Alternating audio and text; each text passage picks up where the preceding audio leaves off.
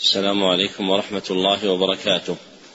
الحمد لله الذي جعل مهمات الديانة في جمل والصلاة والسلام على عبده ورسوله محمد المبعوث قدوة العلم والعمل وعلى آله وصحبه ومن دين الإسلام حمل.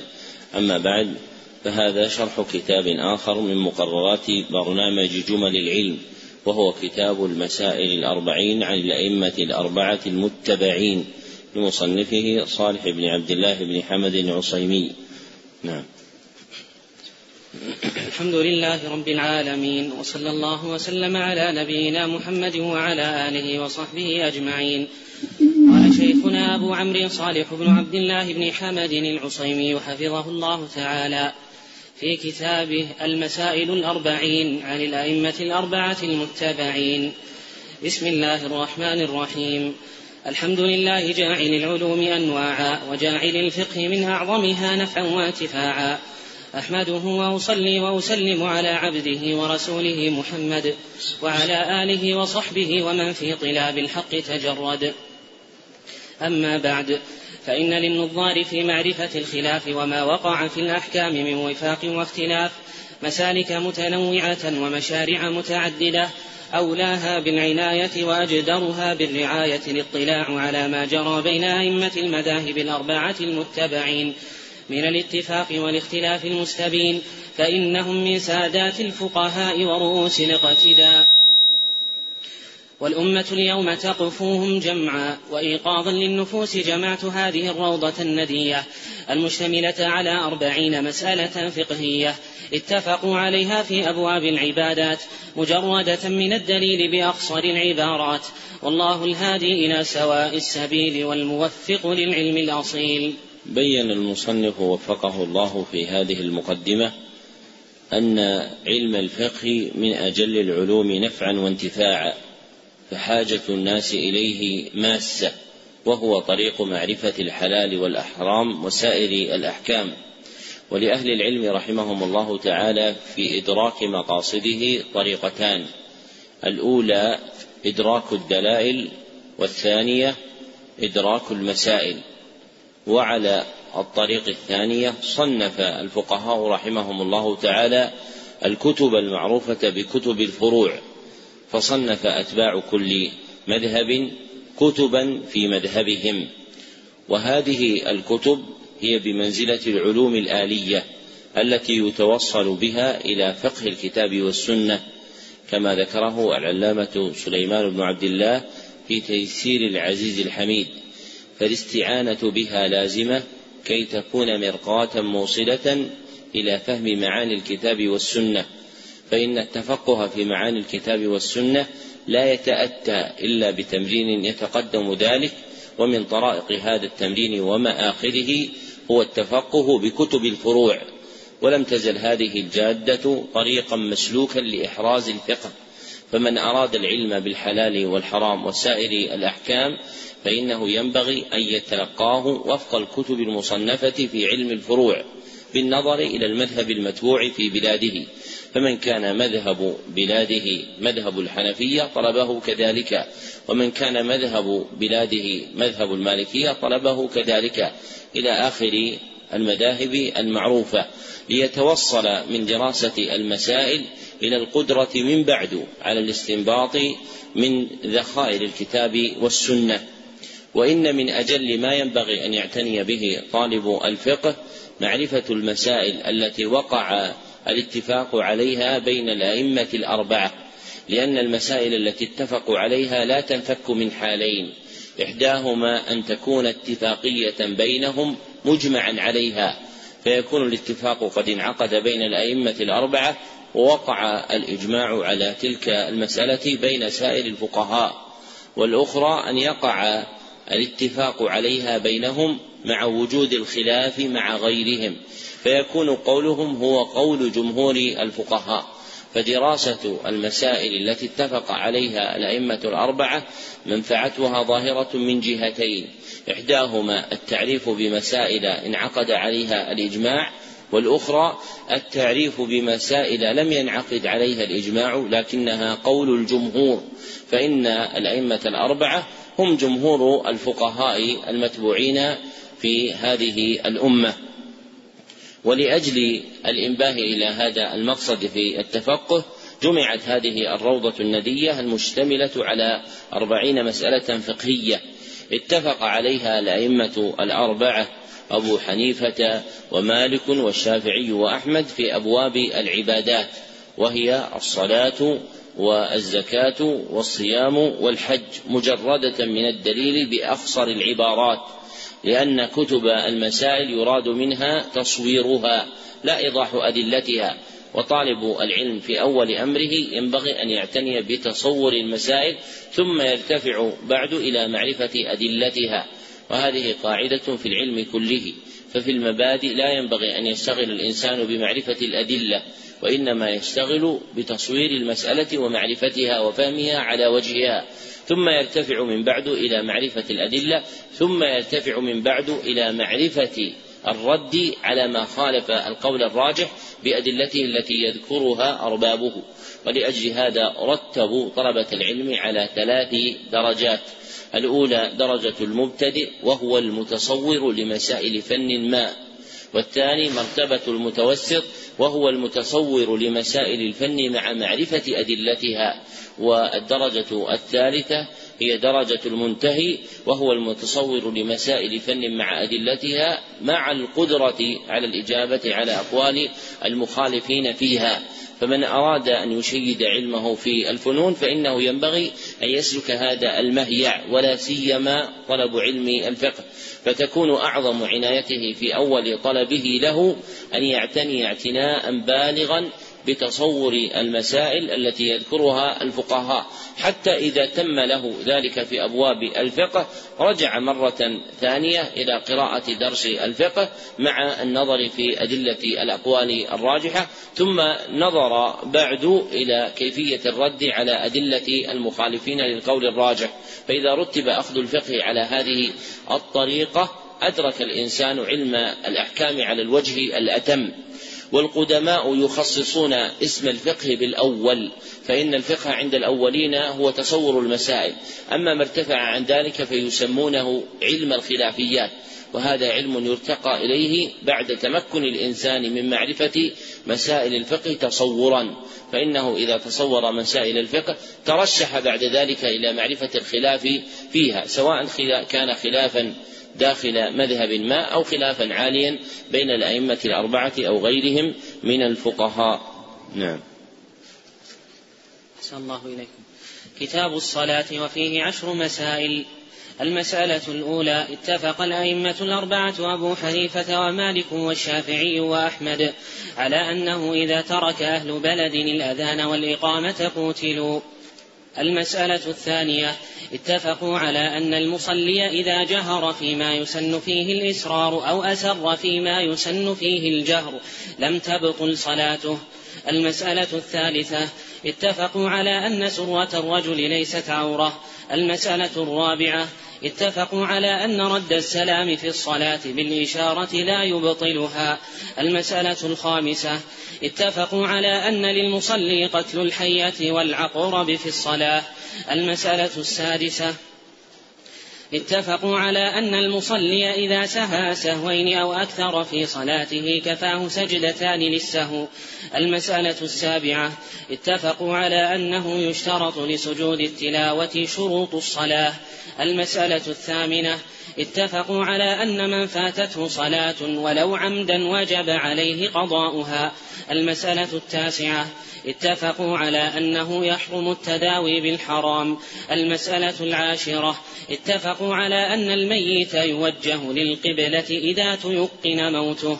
ذكر المصنف وفقه الله عشر مسائل من المسائل التي اتفق عليها الأئمة الأربعة من المسائل المندرجة في كتاب الصلاة. فالمسألة الأولى اتفاقهم على أنه إذا ترك أهل بلد الأذان والإقامة قوتلوا. نقل اتفاقهم عليها ابن هبيرة في الإفصاح والقليوبي في المرصع والبيومي في المربع والجكني في سلم الاطلاع. وهذه الكتب الأربعة من أشهر الكتب التي اعتنت بهذا المطلب وثلاثة منها لم تطبع بعد مع شدة الحاجة إلى مثلها ولا سيما كتاب البيومي المعروف باسم المربع بين المذاهب الأربع. فنقل هؤلاء رحمهم الله تعالى اتفاق الأئمة الأربعة على هذه المسألة أنه إذا ترك أهل بلد الأذان والإقامة للصلاة قوتلوا عليها. ثم ذكر المسألة الثانية وهي انهم اتفقوا على أن المصلي إذا جهر فيما يسن فيه الإصرار أو أسر فيما يسن فيه الجهر لم تبطل صلاته. نقل اتفاقهم ابن هبيرة في الإفصاح والبيومي في المربع. فالأئمة الأربعة متفقون على أن المصلي إذا جهر فيما يسن فيه الإسرار أو أسر فيما يسن فيه الجهر لم تبطل صلاته فلو قدر أن إنسانا صلى صلاة الفجر سرا صح صلاته أو صلى صلاة الظهر وجهر في الركعتين الأوليين صحت صلاته تصورتم المسألة؟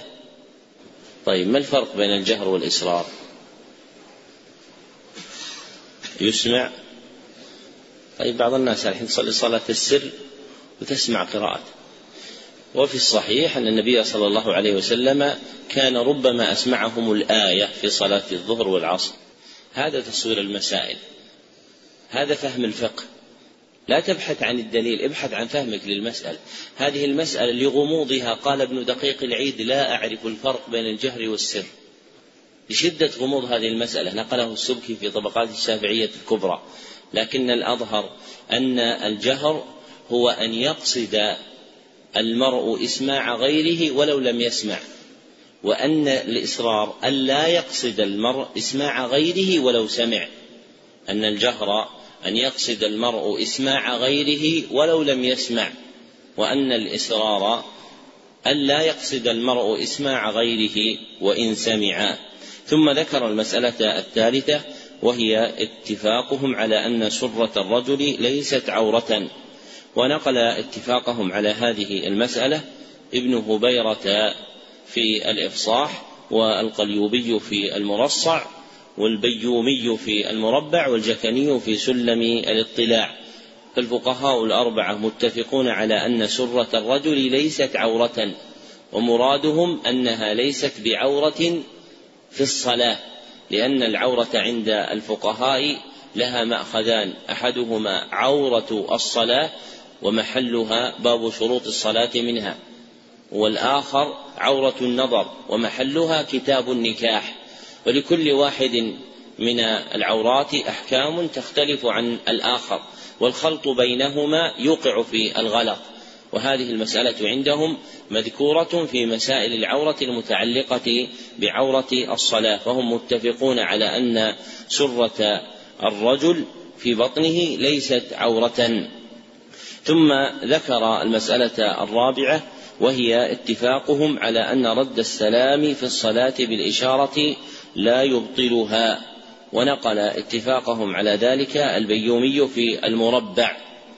إلا أنه ساقه بذكر اتفاقهم على استحباب رد السلام. واستحباب رد السلام هو مذهب الثلاثة خلافا لأبي حنيفة. فإن مالكا والشافعية وأحمد مذهبهم استحباب رد السلام على رد السلام من المصلي إذا سلم عليه. أما مذهب أبي حنيفة فهو كراهية ذلك لكنهم جميعا يلتقون في أنه لو سلم أحد على مصل فرد عليه السلام فإن الصلاة لا تبطل وهذا مأخذ وفاق أبي حنيفة معهم فإن أبا حنيفة مع قوله بكراهية رد المصلي السلام على من سلم عليه إلا أنه يرى أنه لا يبطل الصلاة فيكون الاتفاق صحيحا بهذا الاعتبار. ثم ذكر المسألة الخامسة وهي اتفاقهم على أن للمصلي قتل الحية والعقرب في الصلاة ونقل اتفاقهم على ذلك البيومي في المربع. الأئمة الأربعة متفقون على أنه إذا عرض للمصلي حية أو عقرب في صلاته فإن له أن يقتلهما ثم يكمل صلاته. ثم ذكر المسألة السادسة وهي اتفاق الأئمة الأربعة على أن المصلي إذا سهى سهوين أو أكثر في صلاته كفاه سجدتان للسهو. نقله القليوبي في المرصع والبيومي في المربع. فالأئمة الأربعة متفقون على أنه إذا تكرر من المصلي سهوه في صلاته أكثر من مرة فإنه لا يسجد إلا سجدتين لذلك السهو الذي انتابه. فلو قدر أنه سهى في الركعة الأولى ثم سهى في الركعة الثانية ثم سهى في الثالثة ثم سهى في الرابعة فإنه يسجد سجدتين فقط عن سهوه كله. وتكون السجدتان جابرة للنقص الواقع منه في كل صلاته. ثم ذكر المسألة السابعة وهي اتفاقهم على أنه يشترط لسجود التلاوة شروط الصلاة. ونقل اتفاقهم على ذلك القليوبي في المرصع والبيومي في المربع والجكني في سلم الاطلاع. فالأئمة الأربعة متفقون على أن سجود التلاوة وهو السجود الذي سببه قراءة القرآن.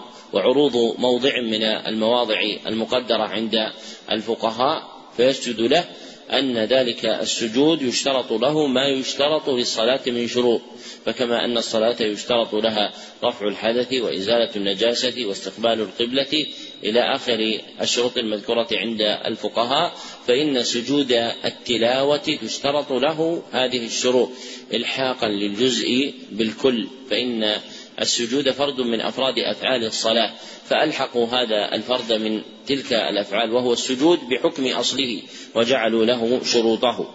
ثم نقل المسألة الثامنة وفيها اتفاقهم على أن من فاتته صلاة ولو عمدا وجب عليه قضاؤها.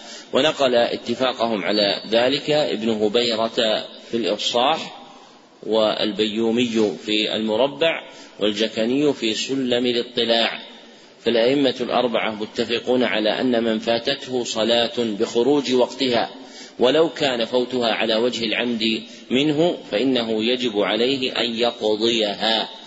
طيب لماذا الفقهاء رحمهم الله تعالى قالوا فاتته ولو عمدا؟ لماذا ما قالوا من ترك صلاة فإنه يقضيها؟ عبروا بالفوت ولم يعبروا بالترك. وقالوا باب قضاء الفوائت ولم يقولوا باب قضاء المتروكات. نعم فؤاد. من ذكر هذا؟ ذكرنا فيما سلف أن الفقهاء عدلوا عن هذا القول وهو ترك الصلوات إلى قضاء الفوائد إحسانا للظن بالمسلم أنه لا يترك شيئا على وجه الزهد فيما أمر الله عز وجل ولكنه يغلب عليه فتفوته. فعبروا بالفوت الدال على الغلبة عوض الترك الدال على وجود العمد. أشار إلى هذا صاحب طلبة الطلبة من الحنفية وهو كتاب نفيس في ألفاظ الفقه المتداولة عند الحنفية. ثم ذكر المصنف وفقه الله المسألة التاسعة مما اتفقوا عليه فقال اتفقوا على أنه يحرم التداوي بالحرام. وهذه المسألة فيها إشكال. من جهة إيرادها في كتاب الصلاة. ما وجه إرادة في كتاب الصلاة؟ يا إبراهيم. إيه، بس لا يلزم أن يكون الحرام نجسا. إيه، أحسنت. لأنهم يذكرون هذه المسألة في كتاب الجنائز. وكتاب الجنائز ملحق بالصلاة عند الفقهاء. وهذه المسائل عندهم سماها الزركشي بخبايا الزوايا وهي المسائل التي توجد في مواضع لا تذهب الأذهان إلى ورودها فيها. فإن الفقهاء يذكرون احكاما ربما من لا يعرف صناعة الفقه يجهل مواضعها. ومنها هذه المسألة. ومن هذا النظير عند الحنابلة أنهم يذكرون ما يتعلق بتحلية المصحف بالذهب وكتابته به في شروط الصلاة لأنهم يستطردون في ذكر أحكام اللباس إلى أن يذكروا لبس الذهب ثم يذكرون ما تعلق به من أحكام تتصل بالصلاة كتحلية المصحف به أو نحو ذلك. فينبغي أن يتمهر طالب العلم في معرفة المسائل التي يذكرها الفقهاء في أبواب لا يظن أنها تورد فيها ومن جملتها هذه المسألة التي يريدونها في كتاب الجنائز الملحق عندهم بأحكام الصلاة. وقد نقل اتفاقهم على أنه يحرم التداوي بالحرام أبو العباس ابن تيمية الحفيد فإنه نقل اتفاق أبي حنيفة ومالك وأحمد والشافعي في أحد الوجهين على حرمة التداوي بالحرام. طيب يشكل أن أن أبا العباس بن تيمية ذكر أنه أحد الوجهين فكيف ينقل اتفاق الأئمة الأربعة؟ واضح الإشكال؟ الإشكال أن ناقل الاتفاق ذكر أنه أحد الوجهين عند الشافعي وأما الثلاثة فذلك مذهبهم. نعم. يعني الذي استقر عليه مذهب الشافعية. يعني الوجهان الذين اللذان ذكرهما شيخ الإسلام وجهان في المذهب. أما باعتبار باعتبار ما استقر عليه مذهب الشافعية فهو حرمة التداوي كبقية حرمة التداوي بالحرام كبقية المذاهب الأربعة. فصار نقل الاتفاق صحيحا. فهما وجهان في مذهب الشافعي لكن الذي استقر عليه مذهب الشافعي كما في المقدمة الحضرمية وغيرها حرمة التداوي بالحرام. ولأجل هذا إذا أردت أن تعرف مذاهب الأئمة فإنك ترجع إلى الكتب التي صنفت فيما استقر عليه المذهب. ولا ترتضي النقل عن الكتب التي نقلها الأولون أو المتوسطون وإنما تعتني بالكتب التي استقر عليها المذهب. فكتب كل مذهب فيها كتب تسمى بكتب المذهب التي استقر عليها ككتاب خليل عند المالكية وزاد المستقنع عند الحنابلة وهلم جرا ومن هنا يقع بعض الناس في الغلط في نقل المذاهب من كتب شروح الحديث. لأن كتب شروح الحديث قد تنقل هذه المذاهب وفق ما كان عليه المتوسطون أو المتقدمون في مذهب ما. أما ما استقر عليه أصحاب مذهب فإنه ينبغي أن ترجع في حكايته إلى ما صار في الكتب المصنفة عند أربابه. ويغلط بعض الناس مثلا من الحنابلة عندما يذهب إلى كتاب العمدة لابن قدامة ثم ينقله على أنه مذهب الحنابلة. وهذا كان طورا من أطوار مذهب الحنابلة. وهو طور المتوسطين. أما ما استقر عليه المذهب فهو ما في الإقناع والمنتهى ثم ما صار في مختصريهما وهما الزاد ودليل الطالب. فينبغي أن يعتني ملتمس الفقه بالكتب التي استقر عليها أرباب كل مذهب. فإذا أراد حكاية مذهب الحنفية عرف الكتب التي ينقل منها وإذا أراد حكاية مذهب الشافعية عرف الكتب التي ينقل منها. وهلم جرا. وأما النقل من الكتب التي كانت تقيد مذاهب هؤلاء في مرحلة التوسط أو في ابتداء المذهب فإنها لم تعد صالحة لحكاية المذهب الذي استقروا عليه. وهذه من الأغلاط في نقل مسائل الفقه. واضحة؟ هذه مهمة أن الإنسان يعرف أنك إذا أردت أن تنقل مذهبا ما ترجع إلى الكتب التي استقر عليها أصحاب ذلك المذهب. فلا يأتي إنسان مثلا وينقل مذهب الحنابلة ويعزو إلى الكافي أو إلى المغني بن قدامة ويقول هذا مذهب الحنابلة. ليس هذا مذهب الحنابلة. مذهب الحنابلة هو الذي استقر في الكتب المرجحة عندهم وهي الإقناع للحجاوي والمنتهى لابن النجار. ثم ما تفرع عنهما كالدليل والزاد. وقل نظير هذا عند الشافعية والمالكية والحنفية. فإذا رجعنا إلى كتب الشافعية فيما استقر عليه مذهبهم في حكم التداوي بالحرام وجدنا أن مذهب الشافعية الذي استقر هو حرمة التداوي بالحرام. فيكون الاتفاق حينئذ منعقدا بين الأئمة الأربعة على حرمة التداوي بالحرام. ثم ختم بالمسألة العاشرة وهي اتفاقهم على أن الميت إذا مات يوجه للقبلة إذا تيقن موته ونقل اتفاقهم على ذلك ابن هبيرة في الإفصاح والقليوبي في المرصع والبيومي في المربع والجكني في سلم الاطلاع. فالأئمة الأربعة متفقون إلى أن الميت إذا تيقن موته وذلك قبل دفنه فإنه يوجه للقبلة قبل الشروع في تغسيله وتكفينه. إلى آخر الأفعال التي تعمل قبل دفنه. نعم. أحسن الله إليكم. كتاب الزكاة وفيه عشر مسائل. المسألة الأولى اتفق الأئمة الأربعة أبو حنيفة ومالك والشافعي وأحمد على وجوب الزكاة في أربعة أصناف سائمة بهيمة الأنعام والأثمان وعروض التجارة والخارج من الأرض. المسألة الثانية اتفقوا على أن أول النصاب في الإبل خمس وفيها شاة وفي عشر شاتان وفي خمسة عشر ثلاث شياه وفي عشرين أربع شياه وفي خمس وعشرين بنت مخاض وفي ست وثلاثين بنت لبون وفي ست وأربعين حقة وفي إحدى وستين جذعة وفي ست وسبعين ابنتا لبون وفي إحدى وتسعين حقتان. وعلى أن أول النصاب في البقر ثلاثون وفيها تبيع وفي أربعين مسنة. وعلى أن أول نصاب الغنم أربعون وفيها شاة. إلى مائة وعشرين فإذا زادت واحدة ففيها شاتان إلى مائتين فإذا زادت واحدة ففيها ثلاث شياه. فإذا بلغت أربعمائة فإذا بلغت أربعمائة ففيها أربع شياه ثم في كل مائة شاه. المسألة الثالثة اتفقوا على أن نصاب الحبوب والثمار خمسة أوسق. المسألة الرابعة اتفقوا على وجوب الزكاة في النقدين الذهب والفضة دون سائر الجواهر كاللؤلؤ وغيره. المسألة الخامسة اتفقوا على وجوب الزكاة في عروض التجارة إذا بلغت قيمتها نصابا من الذهب أو الفضة. المسألة السادسة اتفقوا على عدم اشتراط الحول في زكاة المعدن. المسألة السابعة اتفقوا على أن في الركاز الخمس المسألة الثامنة اتفقوا على جواز تعجيل زكاة الفطر قبل عيده بيوم أو يومين. المسألة التاسعة اتفقوا على عدم جواز إخراج الزكاة لبناء مسجد أو تكفين ميت ونحوهما.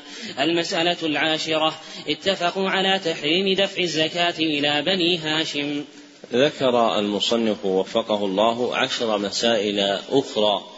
من المسائل التي وقع عليها الاتفاق بين الأئمة الأربعة في أبواب العبادات وهذه المسائل العشر مندرجة تحت كتاب الزكاة عندهم. فالمسألة الأولى نقل اتفاقهم على وجوب الزكاة في أربعة أصناف وهذه الأصناف هي الأموال المعينة عندهم التي تتعلق بها الزكاة. وهي السائمة بهيمة الأنعام الإبل والبقر والغنم والأثمان وهما النقدان الذهب والفضة وعروض التجارة وهو ما يتخذ للبيع ابتغاء الربح منها والخارج من الأرض كالحبوب والثمار وغيرها.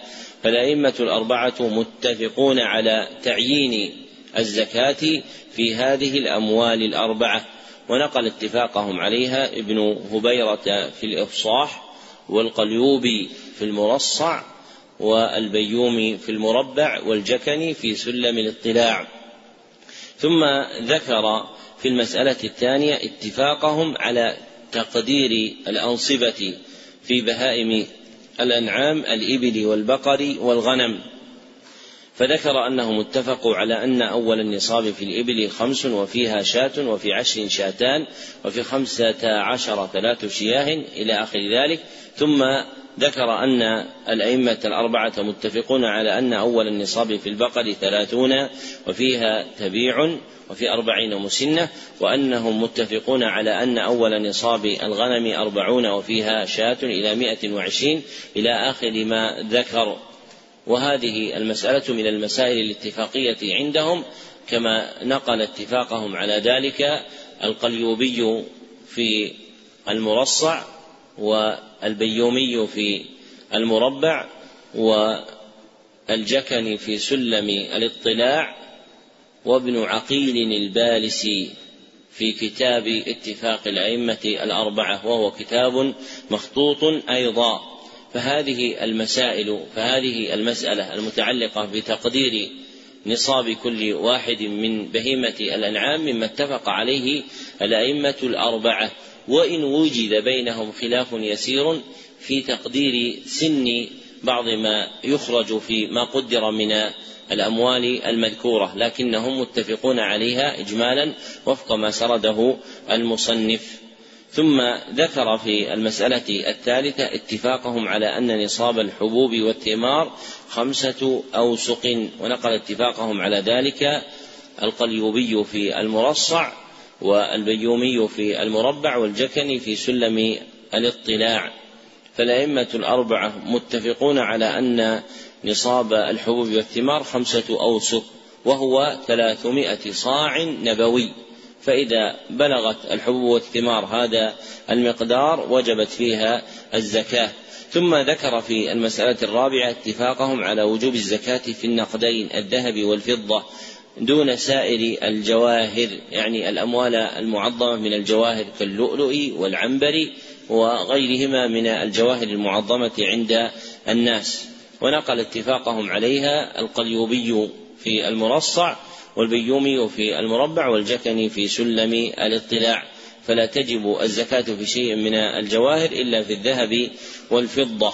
ثم نقل في المسألة الخامسة اتفاقهم على وجوب الزكاة في عروض التجارة. وعروض التجارة كما سلف ما أعد للبيع بقصد الربح.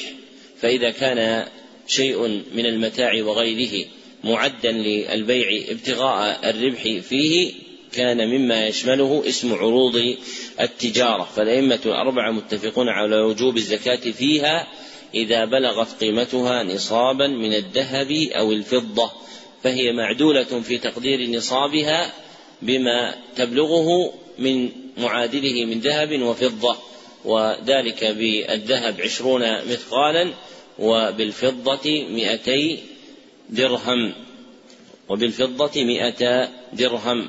فإذا بلغ قدر عروض التجارة هذا المقدار فإنه تجب الزكاة فيه. ثم ذكر في المسألة السادسة اتفاقهم على عدم اشتراط الحول في زكاة المعدن المستخرج من الأرض. وقد نقل اتفاقهم على ذلك آه، ابن هبيرة في الإفصاح والقليوبي في المرصع والبيومي في المربع والجكني في سلم الاطلاع إلا أن الجكني ذكر خلافا للشافعي. ومع ذلك فإن هذا الاتفاق صحيح. كيف يكون خلاف الشافعي والاتفاق صحيح؟ ما الجواب؟ الجواب أن هذا قبل استقرار قبل استقرار مذهب الشافعي ثم الذي استقر عليه مذهب الشافعي عدم اشتراط الحول في زكاة المعدن. ثم ذكر المسألة السادسة وهي اتفاقهم على أن في الركاز الخمس ونقل اتفاقهم على ذلك ابن هبيرة في كتاب الإفصاح إلا أنه استثنى مذهب الشافعي ومالك والصحيح عدم الاستثناء بحسب ما استقرت عليه مذاهبهما. فمذاهب الأئمة الأربعة على أن في الركاز الخمس. وزاد أبو حنيفة بأن البقية أيضا تكون لواجده باعتبار أنه ألحقه بحكم الفيء فهو يشارك الثلاثة في أن في الركاز الخمس ثم يخالفهم فيما زاد عن الخمس. ثم ذكر المسألة الثامنة وهي اتفاقهم على جواز تعجيل زكاة الفطر قبل عيده يعني قبل عيد الفطر بيوم أو يومين. ونقل اتفاقهم على ذلك ابن هبيرة في الإفصاح والبيومي في المربع وابن عقيل البالسي في اتفاق الأئمة الأربعة والجكني في سلم الاطلاع. فالأئمة الأربعة متفقون على جواز تعجيل زكاة الفطر قبل العيد بيوم أو يومين فيجوز له أن يخرجها قبل وقتها. ثم ذكر المسألة التاسعة وهي اتفاقهم على عدم جواز إخراج الزكاة لبناء مسجد أو تكفين ميت ونحوهما. ونقل اتفاقهم على هذه المسألة ابن هبيرة في الإفصاح والقليوبي في المرصع والبيومي في المربع والجكني في سلم الاطلاع. فالأئمة الأربعة متفقون على أن بناء المسجد وتكفين الميت ونحوهما ليس مما يندرج في مصرف سبيل الله بل سبيل الله عند الأئمة الأربعة هو الجهاد. فهم متفقون على أن مصرف سبيل الله مختص بالجهاد. وعند أحمد رواية أخرى أن الحج كذلك يلحق وهو الصحيح من أقوال أهل العلم في هذه المسألة لصحة الأثر بذلك عن ابن عمر رضي الله عنهما. ثم ذكر في المسألة العاشرة اتفاقهم على تحريم دفع الزكاة إلى بني هاشم فيحرم دفعها إليهم فهم ليسوا من أهلها. ونقل اتفاقهم على ذلك ابن هبيرة في الإفصاح والقليوبي في المرصع. والبيومي في المربع والجكني في سلم الاطلاع. بنو هاشم يعني ذرية من؟ ذرية من؟ هاشم من؟ هاشم ابن؟ ابن عبد مناف. ابن عبد مناف. هاشم ابن عبد مناف. والذي جاء في الحديث تحريمها على بني هاشم أو على آل محمد. ها؟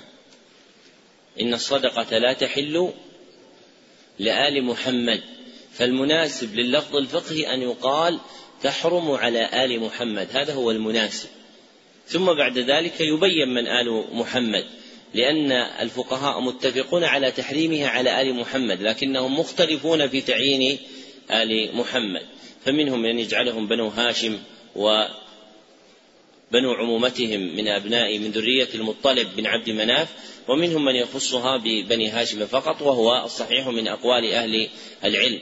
ومن اللطائف أن كتاب الدرر البهية للشوكاني وهو الذي بناه على اتباع الدليل لما جاء إلى هذه المسألة ذكرها على خلاف الدليل فإنها فإنه ذكر حرمتها على بني هاشم ولم يذكر حرمتها على آل محمد.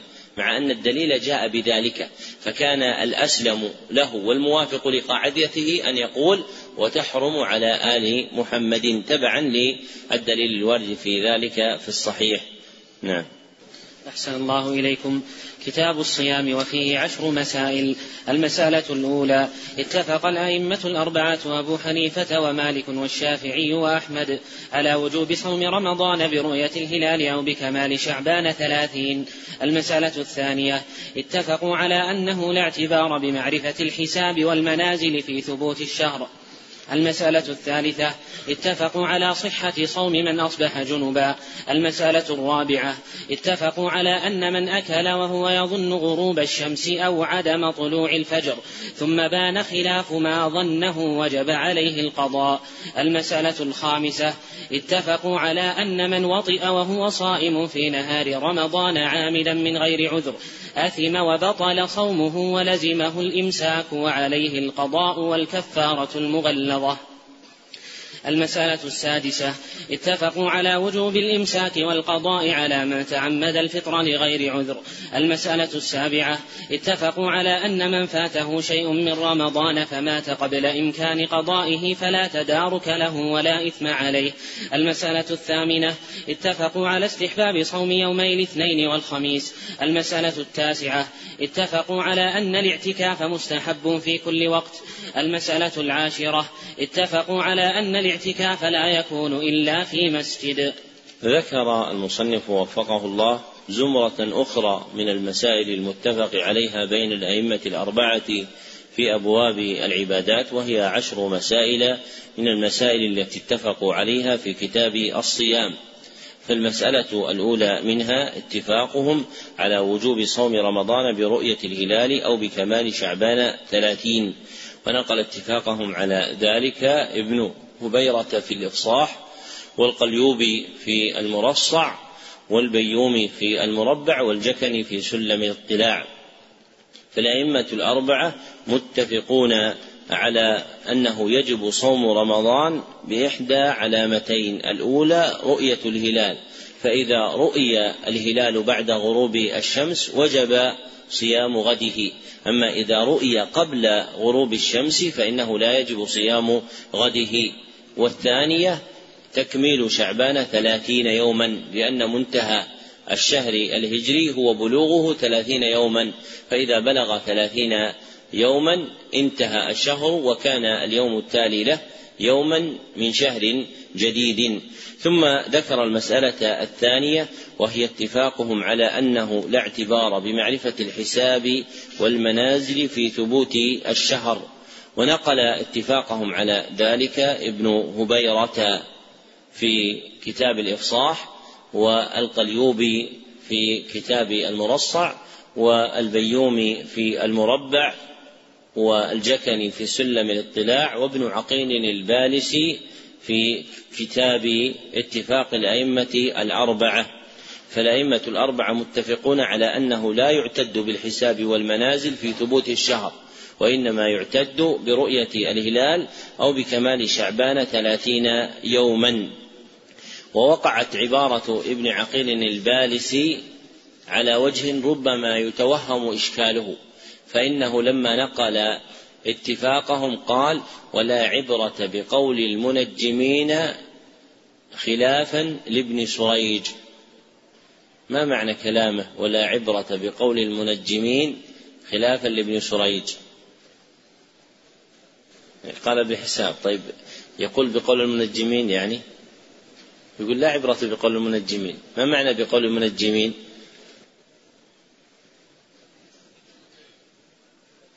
أحسنت التنجيم كما قلنا لكم هو الاستدلال بالنجوم وتارة قد يكون استدلالا بها في التسيير وتارة يكون استدلالا بها في التأثير.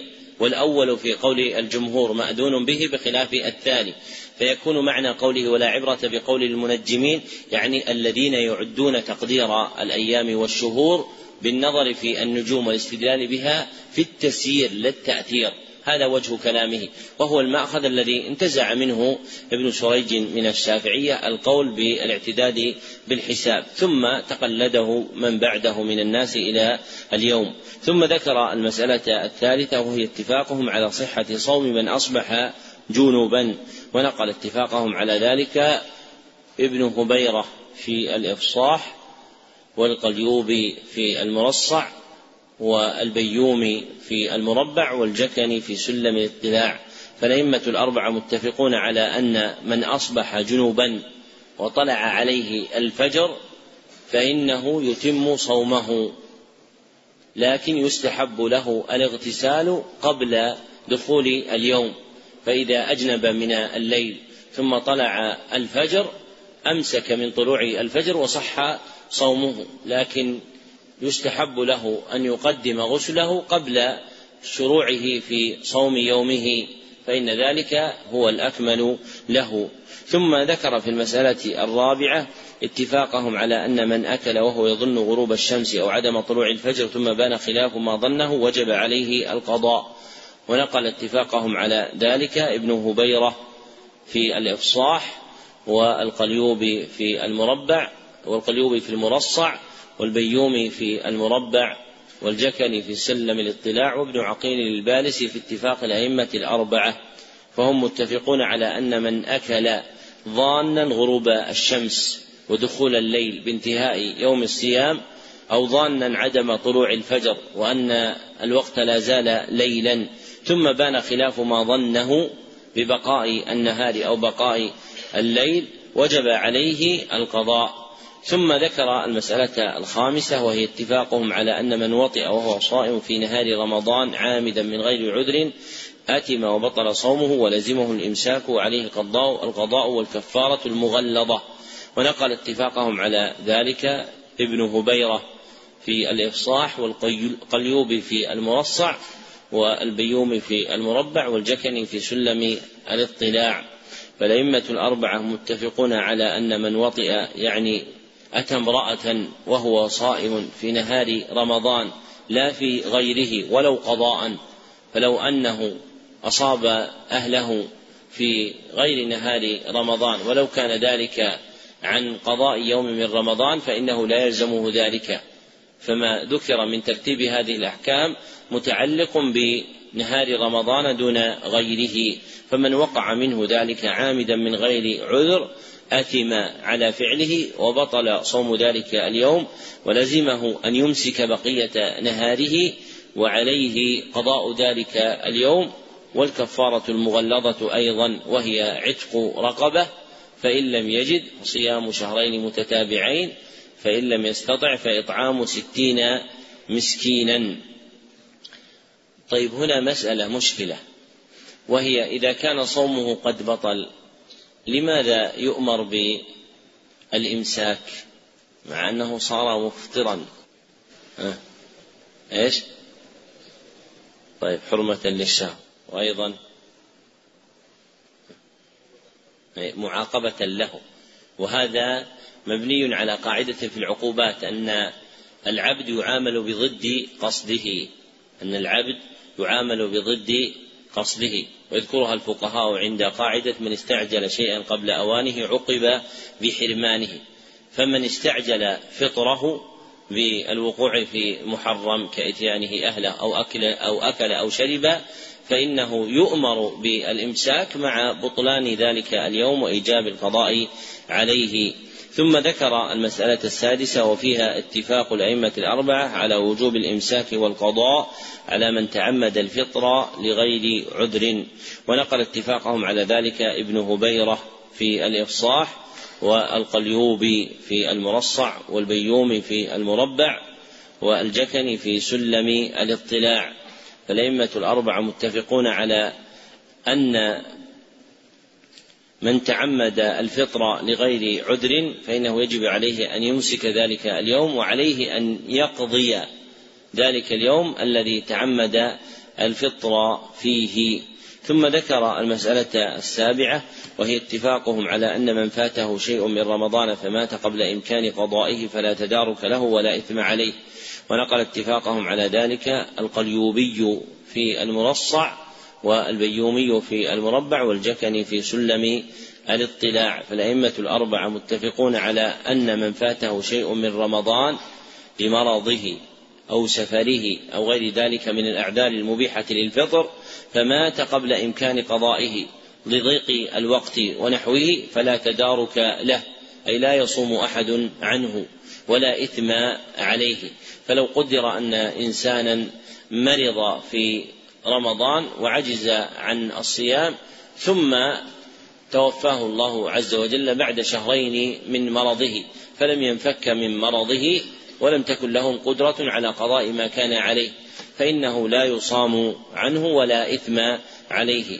ثم ذكر المسألة الثامنة وهي اتفاقهم على استحباب صوم يومي الاثنين والخميس. ونقل اتفاقهم على هذه المسألة ابن رشد في كتاب بداية المجتهد ونهاية المقتصد.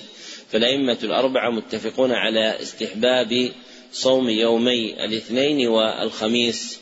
ومما ينبه إليه أن ابن رشد قد يذكر حكاية الاتفاق في كتاب البداية لا يريد بها الإجماع وإنما يريد بها حكاية مذاهب الأئمة الأربعة وإن كان نقله لمذهب أحمد على وجه الانفراد في المسائل نادر فإنه لم يذكره تصريحا به إلا في مواضع يسيرة. لكن حكايته للاتفاق تارة تقع بمعنى الإجماع وتارة تقع بمعنى اتفاق الأئمة الأربعة. ومن دقائق تنبيهات بعض حذاق الفقهاء ومنهم ابن الصلاح في حاشيته على الوسيط استحسانهم في أن يعبر عما وقع عليه الاجتماع في مذهب واحد بالاتفاق وعما وقع عليه الاتفاق بين الفقهاء جميعا بالإجماع فيفرقون بين لفظتين وهي قولهم اتفاقا أو قولهم إجماعا. فإذا كانت المسألة مذكورة بين أرباب المذهب ونظاره بلا خلاف بينهم قالوا فيها اتفاقا.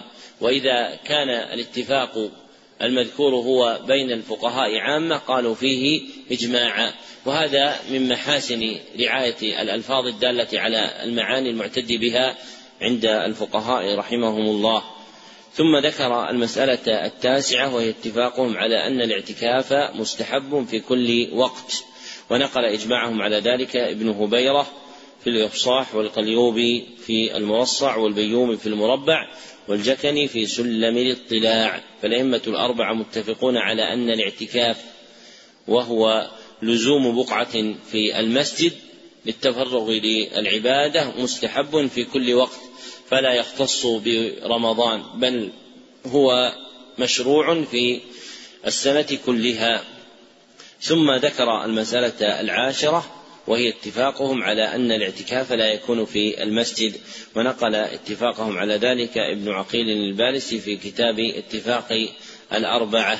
فالأئمة الأربعة متفقون على أن الاعتكاف لا يكون إلا في مسجد فلا يكون الاعتكاف في زاوية أو خانقاه أو رباط أو دار وإنما يختص الاعتكاف بكونه في مسجد وهو الموضع المعد للصلاة. فالموضع المعد للصلاة يسمى مسجدا وهذا غير المعنى العام لأن المسجد له معنيان شرعا. أحدهما معنى عام وهو الموضع الذي يصلى فيه. فكل موضع يصلي فيه سمي مسجدا ومنه حديث جعلت لي الأرض مسجدا وطهورا. والثاني معنى خاص وهو البقعة المعدة المهيئة للصلاة. فالبقعة المعدة المهيئة للصلاة مما تعرف عليه الناس تسمى مسجدا. نعم. أحسن الله إليكم.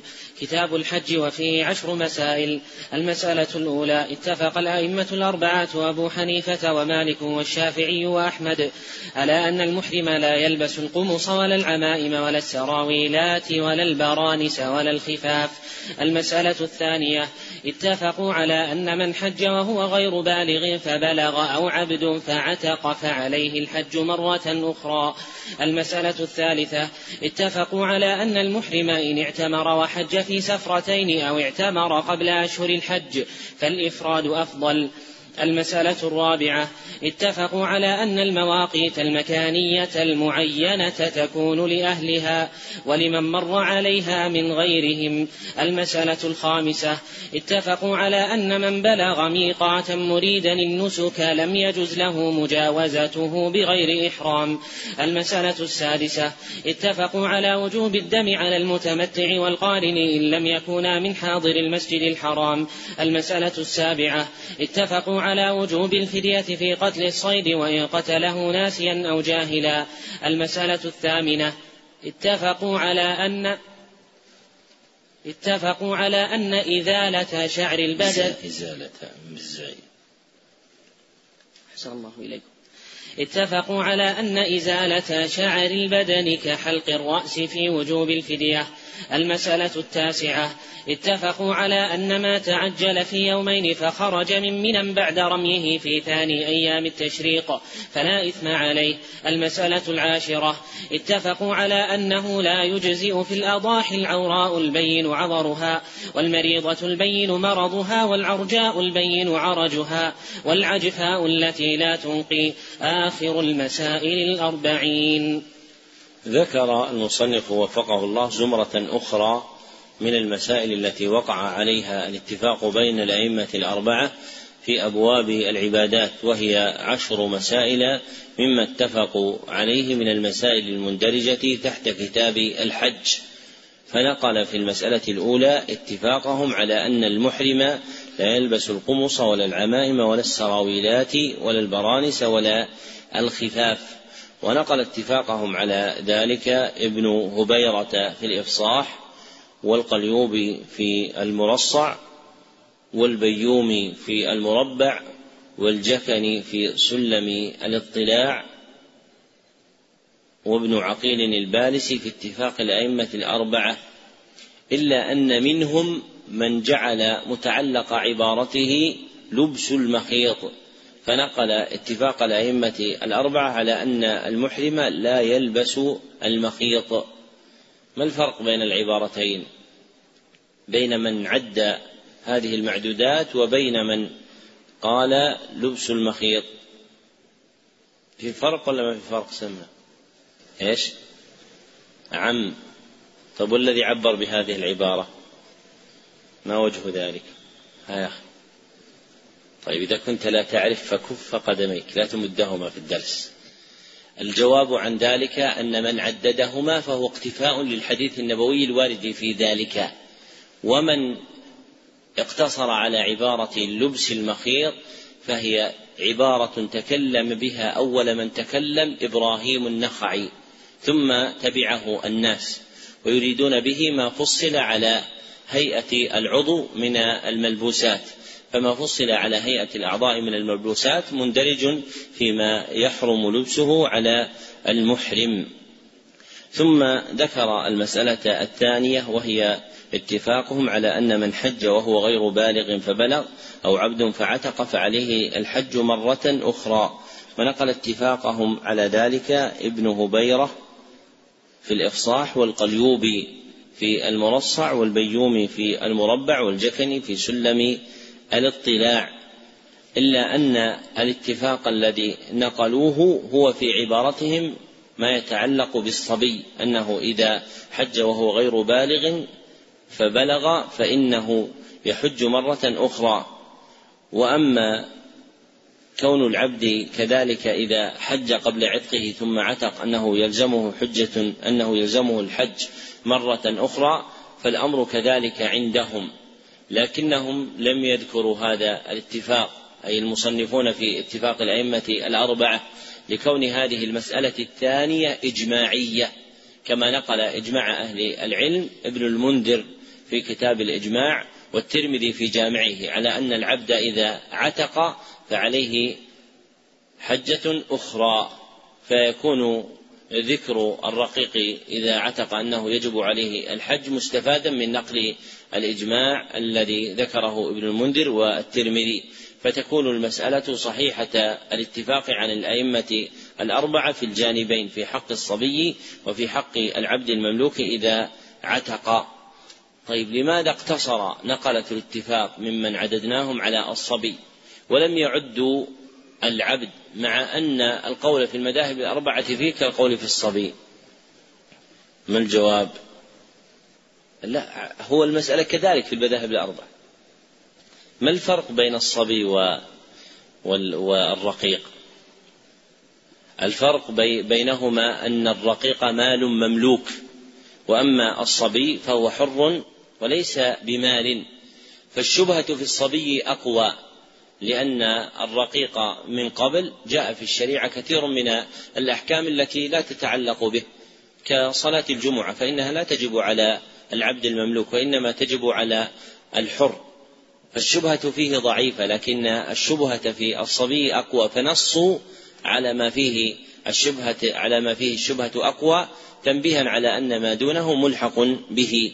ثم ذكر المسألة الثالثة وهي اتفاقهم على أن المحرم أن اعتمر وحج في سفرتين أو اعتمر قبل أشهر الحج فالإفراد أفضل. ونقل اتفاقهم على ذلك أبو العباس بن تيمية الحفيد. فالأئمة الأربعة متفقون على أن المحرم إن اعتمر وحج في سفرتين فيكون قد اعتمر في سفرة مفردة ثم يحج في سفرة أخرى مفردة. فإن الأفضل هو الإفراد له والسفرة هو ما رجع في كل واحدة منهما إلى بلده. فإذا خرج قاصدا البيت الحرام للعمرة ثم رجع إلى بلده ثم خرج يريد الحج في سفرة أخرى فالأفضل له أن يكون مفردا. وكذلك إذا اعتمر قبل أشهر الحج فالأفضل له أن يكون مفردا. وأشهر أشهر الحج هي إيش؟ شوال. ذو القعدة عشر ما صارت شهر. الصحيح وذو الحجة تاما كما هو مذهب المالكية وهو قول ابن عمر رضي الله عنهما خلافا لابن عباس وهو الذي يدل عليه الدليل. ثم ذكر المسألة الرابعة وهي اتفاقهم على أن المواقيت المكانية المعينة تكون لأهلها ولمن مر عليها من غيرهم. فالأئمة الأربعة متفقون على ذلك ونقل اتفاقهم ابن هبيرة في الإفصاح والقليوبي في المرصع والبيومي في المربع والجكني في سلم الاطلاع وابن عقيل البارسي في اتفاق الأئمة الأربعة. فإذا مر المحرم بميقات من المواقيت أحرم منه سواء كان هو من أهله أو من غير أهله. وقد جمع المواقيت وأهلها بعض النظام في بيتين فقال عرق العراق يلملم اليمن. عرق العراق يلملم اليمن. وذو الحليفة يحرم المدني. وذو الحليفة يحرم المدني. وجحفة الشام إن مررت بها. وجحفة الشام إن مررت بها. ولأهل نجد قرن فاستبني. ولأهل نجد قرن فاستبني. فجمع في هذين البيتين المواقيت المكانية المقدرة مع ذكر أهلها. ثم ذكر المسألة الخامسة وهي اتفاقهم على أن من بلغ ميقاتا مريدا النسك لم يجز له مجاوزته بغير إحرام. ونقل اتفاقهم على ذلك ابن هبيرة في الإفصاح والقليوبي في المرصع والبيومي في المربع والجكني في سلم الاطلاع. فالأئمة الأربعة متفقون على أن من بلغ ميقاتا من المواقيت المكانية لم يجز له مجاوزته بغير إحرام إذا كان مريدا للنسك. فمن أراد النسك وجب عليه الإحرام من الميقات. أما إن كان غير مريد للنسك فإن للأئمة الأربعة في ذلك قولين.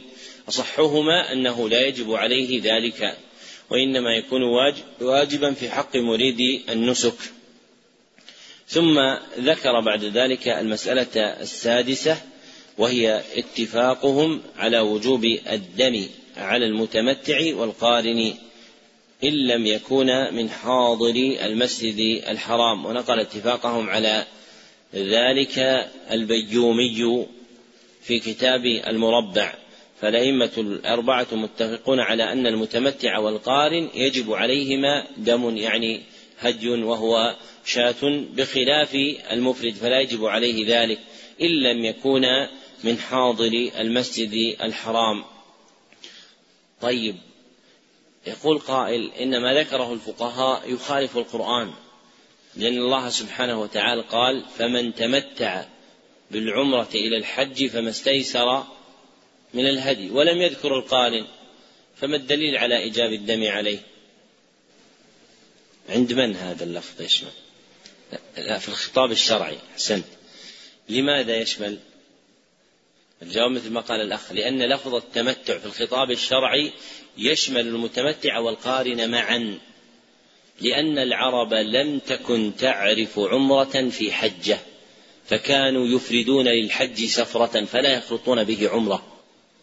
فلما صار في الشرع إيقاع عمرة في سفرة الحج إما في حال التمتع أو في حال القران سمي كل ذلك تمتعا يعني توسعة عليهم بخلاف ما كانت عليه حالهم قبل من أنهم إذا خرجوا للحج لا يأتون بعمرة وإنما يأتون بحجة فقط. ثم ذكر المسألة السابعة وهي اتفاقهم على وجوب الفدية في قتل الصيد. وإن قتله ناسيا أو جاهلا ونقل اتفاقهم على ذلك ابن هبيرة في الإفصاح والقليوبي في المرصع والبيومي في المربع والجكني في سلم الاطلاع وابن عقيل البالسي في اتفاق الأئمة الأربعة.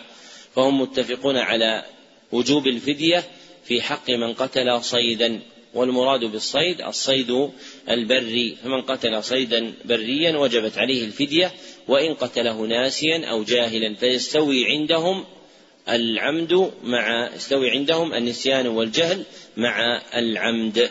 ثم ذكر المسألة الثامنة وهي اتفاقهم على أن إزالة شعر البدن كحلق الرأس في وجوب الفدية. ونقل اتفاقهم على ذلك القليوبي في المرصع. والبيومي في المربع والجكني في سلم الاطلاع وابن عقيل البالسي في اتفاق الأئمة الأربعة.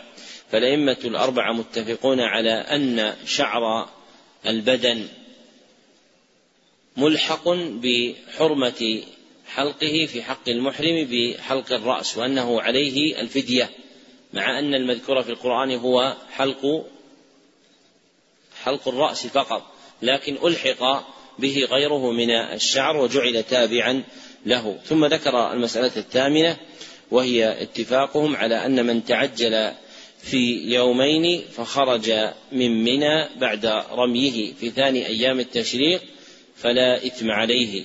ونقل اتفاقهم على ذلك البيومي في كتاب المربع. فالأئمة الأربعة متفقون على أن من تعجل في يومين يعني بعد اليوم العاشر. فإن التعجل والتأجل متعلق بأيام التشريق فقط.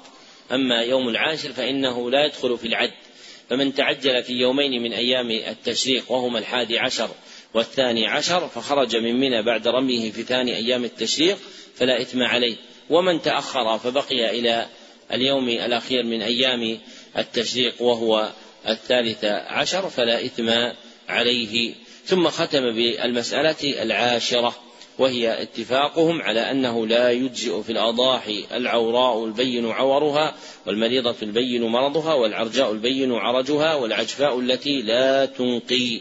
ونقل اتفاقهم على ذلك ابن هبيرة في الإفصاح والقليوبي في المرصع والبيومي في المربع والجكني في سلم الاطلاع وابن عقيل البالسي في اتفاق الأئمة الأربعة فالأئمة الأربعة متفقون على أنه لا يجزئ في الأضاحي العوراء البين عورها يعني المتضح عورها والمريضة البين مرضها والعرجاء البين عرجها والعجفاء التي لا تنقي يعني الضعيفة التي لا تستطيع أن تثبت لضعفها. وهذه المسألة ألحقت بالحج باعتبار كون الأضاحي إيش؟ من شعائر الحج أم كيف؟ لماذا الفقهاء يذكرون باب الأضاحي في الحج؟ إيش؟ لأن هذه الأحكام تقع على الهدي وألحقوا معه الأضاحي بعد ذلك لأن الأصل في الذبيحة المتعلقة بالنسك هي الهدي ثم ألحق به الفدية التي تكون عن وجود محظور من المحظورات أو ترك واجب من الواجبات ثم بعد ذلك ألحق الفقهاء به الأضاحي. كما أن الفقهاء ربما بوبوا كتاب المناسك وكتاب المناسك أعم من الحج والذبائح نسيكة من النسائك. فذكروا كتاب الأضاحي مندرج باب الأضاحي باعتبار كونها من المناسك يعني من الشعائر التي يتقرب بها إلى الله سبحانه وتعالى تعبدا وتنسكا وبهذا تمت المسائل الأربعين. والمقصود من ذلك توجيه الأنظار إلى معرفة المسائل التي اتفق عليها الفقهاء. وحقيق بطالب العلم أن يعتني بهذه الكتب التي ذكرناها. ومن أحسنها في طلب العلم سلم الاطلاع للجكني فإنها منظومة تقع في تسعمائة بيت وزيادة يسيرة لعلها تبلغ الربع. فهي منظومة لطيفة نظم فيها كثيرا من المسائل التي اتفق عليها الأئمة الأربعة فهي أصل يحسن اعتماده في قراءة الخلافيات بعد الفراغ من الفقه. كما أن الفقه الكتب التي ذكرناها كتب نافعة ولا سيما كتاب المربع لابن للبيومي رحمه الله أحد علماء الأزهر في القرن الثاني عشر وهو اختصار لكتاب ابن قاضي شهبة من فقهاء الشافعية القدامى لكن الأصل مفقود.